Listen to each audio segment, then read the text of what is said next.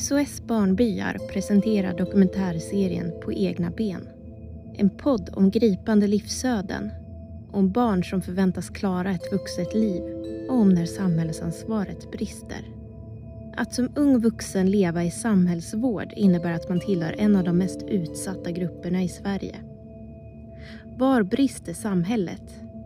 Vad borde ansvariga myndigheter göra? Och vad har SOS Barnbyar för roll?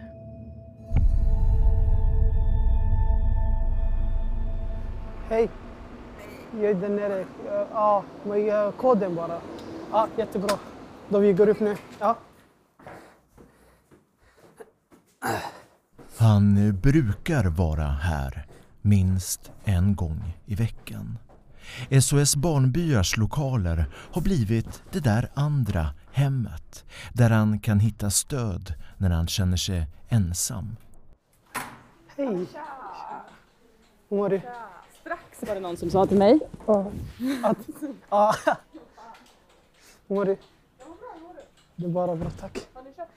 Ja, men vi åt redan. Da, danken, ja. Men det har också blivit det där stället där han delar med sig av erfarenheterna och där han framförallt kan hjälpa andra som har en bakgrund likt honom själv. Mohammeds liv är idag i mångt och mycket välordnat. Han håller på att avsluta gymnasiet, han har tre extrajobb och snart körkort. Men för bara fem år sedan så var allt helt annorlunda. Mohammed har sina rötter i Somalia, spenderade sina första år i Saudiarabien dit hans pappa flyttat för att jobba. Men vid 15 års ålder så flyttar familjen tillbaka hem till Somalia. Och det är då problemen börjar. Min farbror han var, han var ledare i al-Shabab. Han ville att jag ska hjälpa honom att eh, de som är där som inte kan prata somaliska prata arabiska. Eftersom jag, jag kan prata arabiska, att jag och hjälper till och, och översätta mellan vad de säger och så. Mohammeds mamma förstår direkt vad det är som är på gång och hur illa det kan sluta. Al-Shabab är den östafrikanska grenen av Al-Qaida och han håller på att bli rekryterad som deras tolk. Mohammed måste därifrån till vilket pris som helst. Jag och hon, vi åkte till Turkiet tillsammans. Hon fixade flyg, sen det var en natt jag sov. Hon väckte mig, hon bara kom vi går. Så att hon, var, hon bara tyst bara kom. Nu är det väldigt allvarliga saker som, som pågår här. Vi måste lämna här. Eh, därefter var det att eh, vi åkte båt som tar oss från Turkiet till Grekland.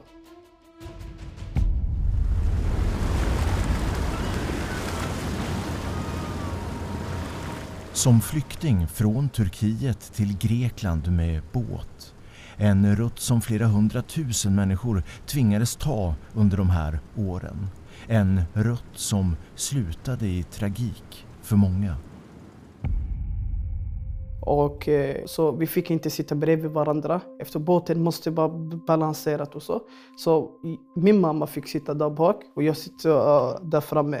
För att vi var ganska många, kanske 80-90 pers. Och Mohammed och hans mammas flykt över Medelhavet slutar också i tragik. När eh, de närmar sig den grekiska kusten så möts de av kustbevakningen. Panik utbryter. Ingen vet vad som händer om de blir omhändertagna. Folk började hoppa. Jag trodde, eh, och jag trodde min mamma hon hoppade med oss. I det kaos som uppstår så mister han sin mor. Han har inte sett henne sedan dess och vet inte ens om hon lever.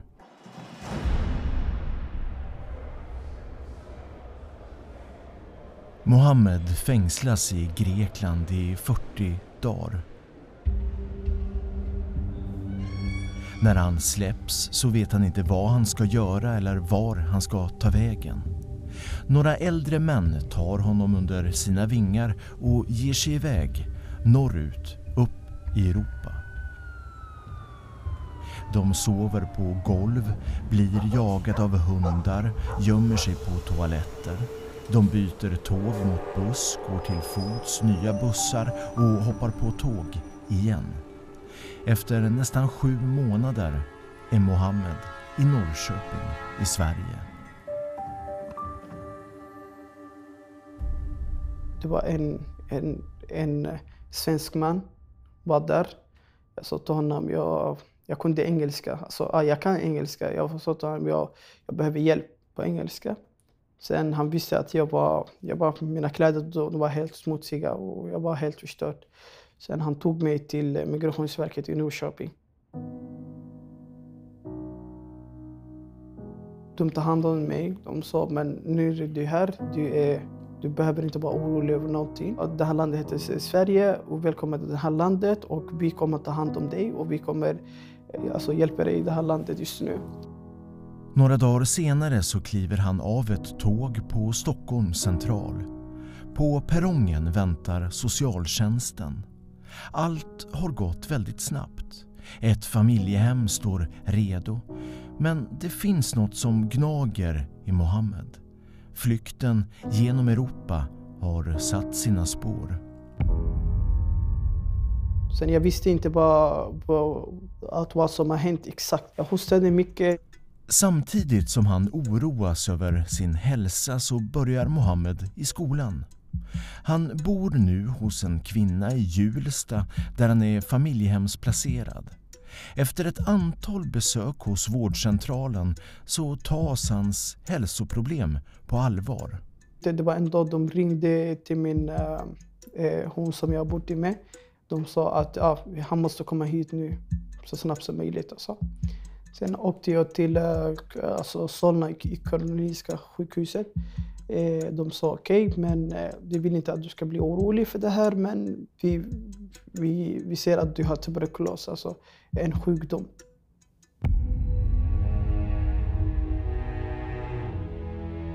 Sjukvården lugnade honom. De förklarade via en tolk att han inte behöver vara orolig. Även fast det är en allvarlig diagnos så är det behandlingsbart. Men sjukdomen för med sig ett annat problem. Hans familjehemsmamma vill inte längre ha honom kvar. Hon sa du ska inte komma alls in i min lägenhet. Hon började kasta mina kläder. Allt jag hade för kläder. Hon började bara, uh, hon började bara kasta ut dem. Då började jag bli jätteorolig. Jag tänkte okej, okay, hon vill inte ha mig här på grund av min sjukdom. Så eh, det är bättre att jag lämnar. Eh, alltså. Sen socialtjänsterna var där. De filmade allt hon gjorde. Hon sa att vi kommer aldrig placera någon annan där hos henne. För att det hon gjorde var helt fel. Utkastad på grund av en sjukdom. En ganska tuff start på det nya livet.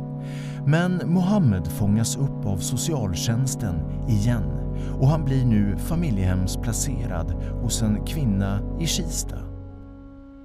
Hon, hon har visat mig kärleken som jag saknas verkligen från. Ja, hon var mamma för mig, hon var pappa för mig. Hon, hon har gjort jättemycket för mig. Jag ska, måste bara vara ärlig. Och sen, ja, jag tackar henne tills idag.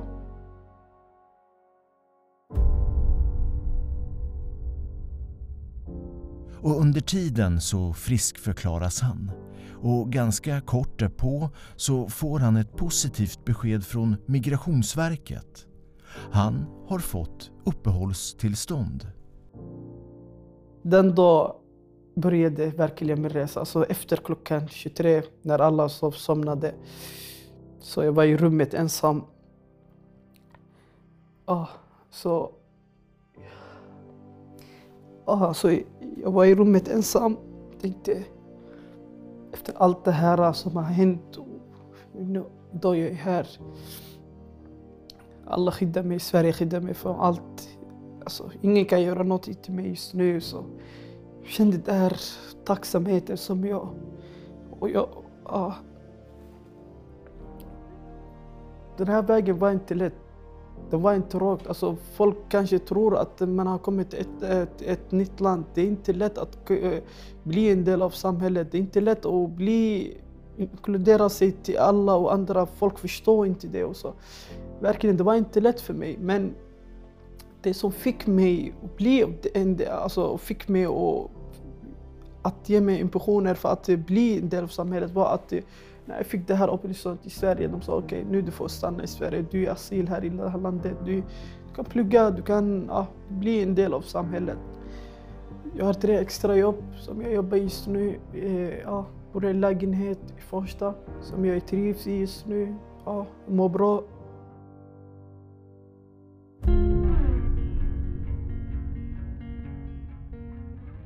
Mohammed får så småningom en träningslägenhet i Bromma och under tiden en väldigt uppskattad kontaktperson från socialtjänsten.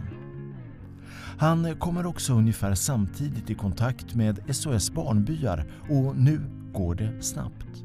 Hos SOS Barnbyar får han hjälp med att skriva sitt första CV vilket ger honom hans första jobb. De hjälper dig med allt möjligt som en ungdom som har kommit till det här landet de behöver hjälp med. Till exempel att, eh, att när man jobbar måste man betala skatt och reglerna i det här landet och allt det här, alltså allt grunden. Och för Mohammed har den här hjälpen han fått här hos SOS Barnbyar varit ovärderlig. Och efter ett år i Bromma anser socialtjänsten att de kan släppa Mohammed och han erbjuds en lägenhet med ett korttidskontrakt där han ska bo i fem år. Alltså det här är bara för tillfället. Alltså fem år, om du, om du verkligen har kämpat för det, du kan få eh, alltså förstahandskontrakt. Om du verkligen har ett jobb, har ett körkort eller du kan, alltså så länge du kan försörja dig själv. Det är, det är två år som har gått just nu. Så jag känner att jag har kommit långt också.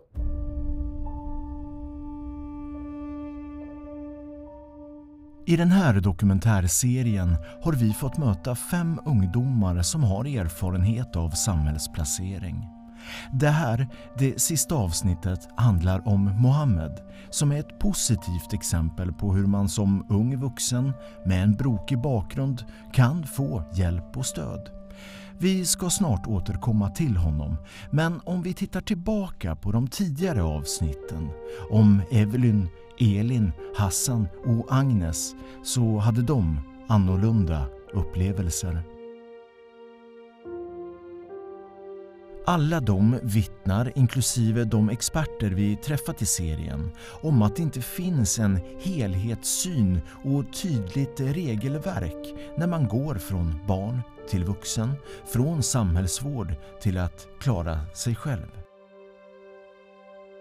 Ingrid Höjer har forskat kring barn, unga och familj och i över 15 år knuten till Göteborgs universitet. Och hon stämmer in i kritiken mot att regelverket runt de här frågorna måste ses över. Mitt huvudsakliga forskningsområde har handlat om olika aspekter på familjehemsvård. Om precis det här området med unga som lämnar dygnsvården och det kan man säga att det har nästan varit det största forskningsområdet de sista 15 åren. Och, det, det, är ett område där man kan, tycker jag, göra ganska stora förbättringar. De här ungdomarna som lämnar, som lämnar placeringar i familjehem eller på HVB har jag, tycker jag har varit en, en grupp som inte har rönt något större intresse. Och även om man tittar rent ekonomiskt på det här man har alltså investerat rätt mycket pengar i den här gruppen och sen så lämnar man alltså den här investeringen till att försöka klara sig själv då. Eh, och, och det har för mig varit eh, svårt att förstå att man inte uppmärksammar den här gruppen mera.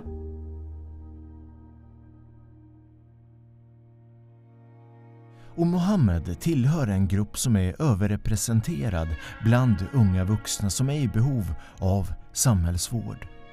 Att vara ensamkommande innebär ofta att du inte har någon att luta dig mot när du förväntas gå från barn till vuxen. Ja, det vet vi ju att, att jag menar, de ensamkommande har ju varit förstås överrepresenterade i, alltså, i sin grupp i, i, placeringarna för de har ju, de har ju liksom placerats i familjen i och med att de skulle ha varit under 18 i alla fall när de kom. Vi fick ju 35 000 2015 som kom. Och det var ju en otrolig utmaning för kommunerna.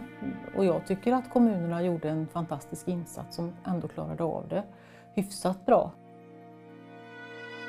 Det som är bekymmersamt för den gruppen nu är väl osäkerheten, att man inte vet vad som ska hända, att man inte kan veta om man får stanna kvar eller inte. Jag vet ju att det är många eh, frivilligorganisationer som ställer upp och är, blir familjehem och, och tar in de här ungdomarna. Ensamkommande eller inte, när du är 18 år eller när du slutar gymnasiet här i Sverige så anses du som vuxen. Du ska kunna klara dig själv då. Och har du en trygg familjesituation så kommer ofta den hjälpen på köpet. Men är du ensam och nyanländ eller bollats mellan boenden och vårdinstanser så har du sällan den erfarenheten som krävs för att helt plötsligt klara ett vuxet liv. Vad behöver jag när jag flyttar hemifrån? Hur, hur får man en hemförsäkring? Eh, vilka andra försäkringar behöver jag? Hur skriver man ett hyresavtal? Vad innebär det? Hur lägger man upp en budget? Vilka banker ska jag kontakta? Allt sånt som man kan prata med sina föräldrar om förhoppningsvis då. Det, det har ju inte de här ungdomarna möjlighet att göra. När Ingrid och hennes kollegor började intervjua ungdomar som levde i samhällsvård så såg man att det trots allt fanns en ganska stor framtidstro. Och då, då var det ju många som sa att jag hade gärna pluggat men jag vågar inte för jag vågar inte ta studielån. För det finns ingen som backar upp mig och jag är jätte, jätterädd att jag ska hamna i skuld. För mina, min mamma min och min pappa de hade stora ekonomiska problem och det, för mig är det en jättestor orättvisa. Att man inte kan få pröva att man, och att man inte kan få misslyckas. Det kanske är den största orättvisan. För om man har en uppbackning hemifrån, bara det att, man kunna, att ens rum står kvar, och man kan flytta hem igen, ehm, är ju, ger ju en möjlighet att kanske pröva en utbildning, pröva ett jobb och så funkar det inte, då kan man flytta hem igen. För även om man har haft en bra kontakt med sitt familjehem så kanske det bor någon annan i det rummet. Och har man bott på HVB så, är inte, även om man har en god kontakt med personalen, kan man inte flytta tillbaka igen. Så man, man, blir liksom, man får lita väldigt mycket till sig själv. Och genom sitt jobb och sin forskning så pekar Ingrid idag på vad som borde finnas där för de ungdomar som förväntas klara sig själva men inte har en tillräckligt stark grund att stå på. En lagstiftning som säger att ungdomar skall ha stöd, en lagstiftning som säger att man har rätt att stanna tills man är 25 om man själv vill det. Det ger ju ungdomarna en helt annan möjlighet att planera. När är det lämpligt för mig att flytta? Sen kanske man vill flytta. Det är ju ingen som säger att man måste, men man ska ha rättigheten. Har man då, den lagstiftningen på plats med de två sakerna, då tror jag att man har tagit ett stort, stort steg mot en bättre situation för den här gruppen. Då. Att säga att placeringen avslutas när man är 18 eller eventuellt 19 då man går i gymnasiet, det, det tycker jag är helt absurt faktiskt. Det finns ju inga andra ungdomar som måste flytta hemifrån för att de fyller 18.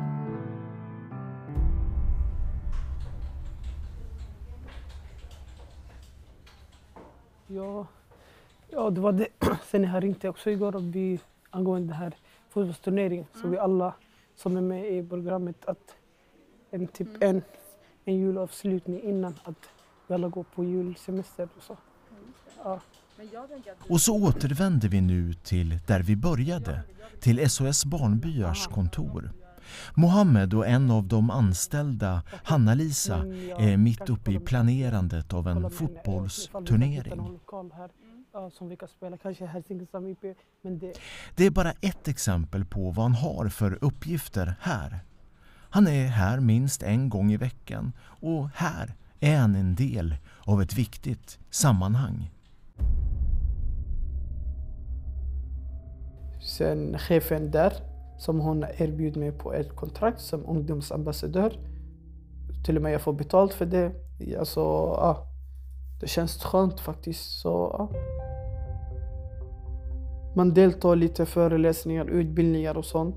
När det kommer till, eh, när det kommer till ungdomar, hur man... Ja, alltså, och det är mycket sådär att jag visar också den vägen att man kan lyckas. Och Ingrid Höjer har från sitt perspektiv sett ett stort värde i det jobb de frivilliga organisationerna lägger ner. Jag tycker det är en utmärkt kompletterande roll. Jag tycker att de är jättebra att de finns.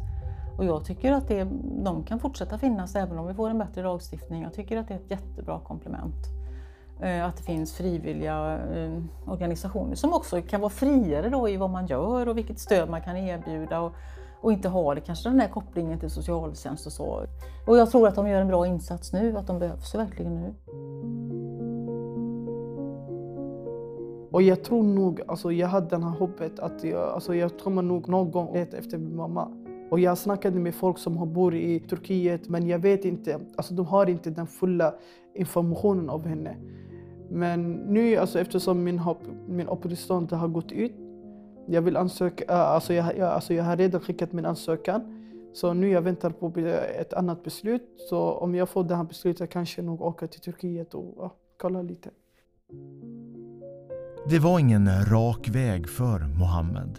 Och det är det inte heller för andra unga vuxna som idag befinner sig i samhällsvård och som står på tröskeln till ett vuxet liv på egna ben. Det är dags att deras röster blir hörda. Jag behöver långsamt hitta tillbaka till eh, samma stabila punkt som jag var när jag var placerad. Det hade varit alltså, jättesvårt utan alltså, hjälpen som jag har fått. Bara för att du fyller 18 och liksom är vuxen på papper så betyder inte det att nu har jag fixat hela mitt liv på en natt. Och sen när jag väl insåg att hon bara ville mig bra så släppte jag liksom in henne och vi fick en jättebra kontakt. Varje morgon när jag vaknar jag tänker på så här. Ska jag sova och drömma? Eller jag ska vakna och göra den här drömmen till verklighet. Problemet tycker jag är att de, så många ungdomar lämnas utan stöd praktiskt, emotionellt och ekonomiskt. Och, och, det vi har att göra det är att ta vara på ungdomars motivation se till att de kan få vara delaktiga i det här arbetet. För då tror jag att vi kan få ett, ja, ett, ett arbete som, som fungerar och det handlar om att göra det tillsammans med ungdomarna.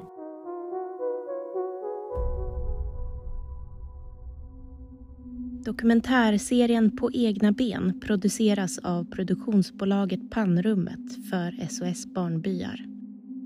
Redaktionen består av Peter Sinsik, Melker Becker och Christian Jermik Låke. Om du som lyssnat på det här avsnittet är eller varit placerad och känner att du behöver råd och stöd, kontakta SOS Barnbyar. På SOS Barnbyars hemsida, sos-barnbyar.se hittar du information om organisationens arbete i Sverige och utomlands och hur du kan göra om du vill stötta arbetet.